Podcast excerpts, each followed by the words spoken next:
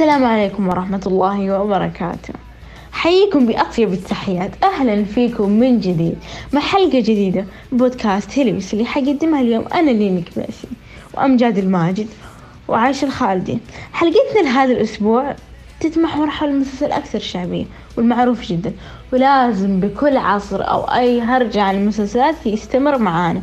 بالرغم من أنه أول عرض له كان سنة 1994 ولكن أحداثه وقيمته راسخة بعقولنا.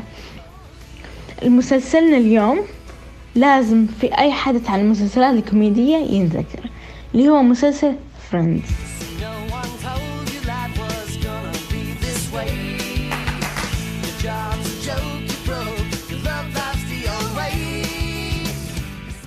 هو المسلسل الأمريكي الكوميدي بطابع درامي والذي حاز على إعجاب الكثير. واكتسح الساحات بكل السنوات التي انعرضت فيهم مواسمه وهو عبارة عن عشرة مواسم. تم تصويرها ما بين عامي 1994 إلى 2004 بكل موسم 24 حلقة تقريبا.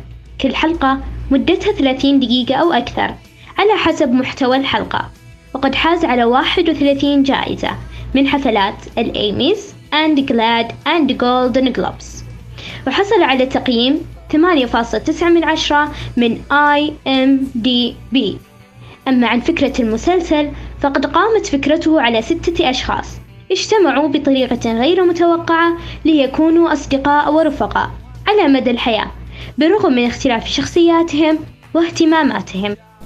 ما ننسى الممثلين اللي أتقنوا الدور وعيشونا معهم رغم صفاتهم المختلفة واختلاف طبقاتهم الاجتماعية. ومنهم مونيكا جيلر كانت ببطولة كورتني كوكس كانت معروفة بهوسها الشديد للتنظيف والطبخ. وروس جيلر ببطولة ديفيد شويمر وكانوا يطلقون عليه بعالم الديناصورات والأقل حظ في الزواج والعلاقات.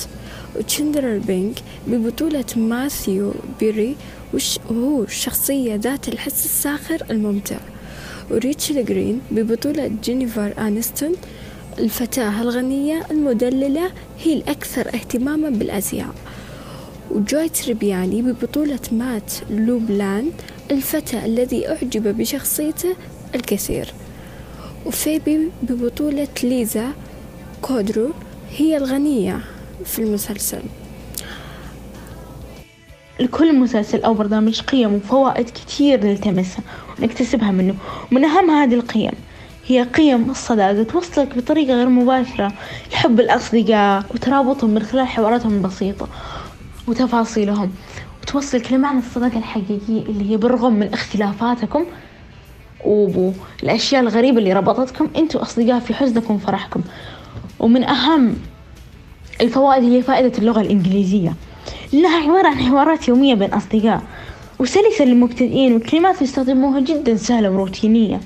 وتتكرر بحلقات كثيرة فتتعود عليها الآذان وتنحفظ والأساليب والجمل اللي ينطقوها كثير. ولو كان مستواك مبتدئ وعندك الأساسيات تقدر تفهم لو تابعت المسلسل لكل مسلسل له إيجابياته وسلبياته بس من رأيي إن أصوات الضحك اللي بال background مستفزة جدا وخلتني أتراجع عن هذا المسلسل من أول حلقة.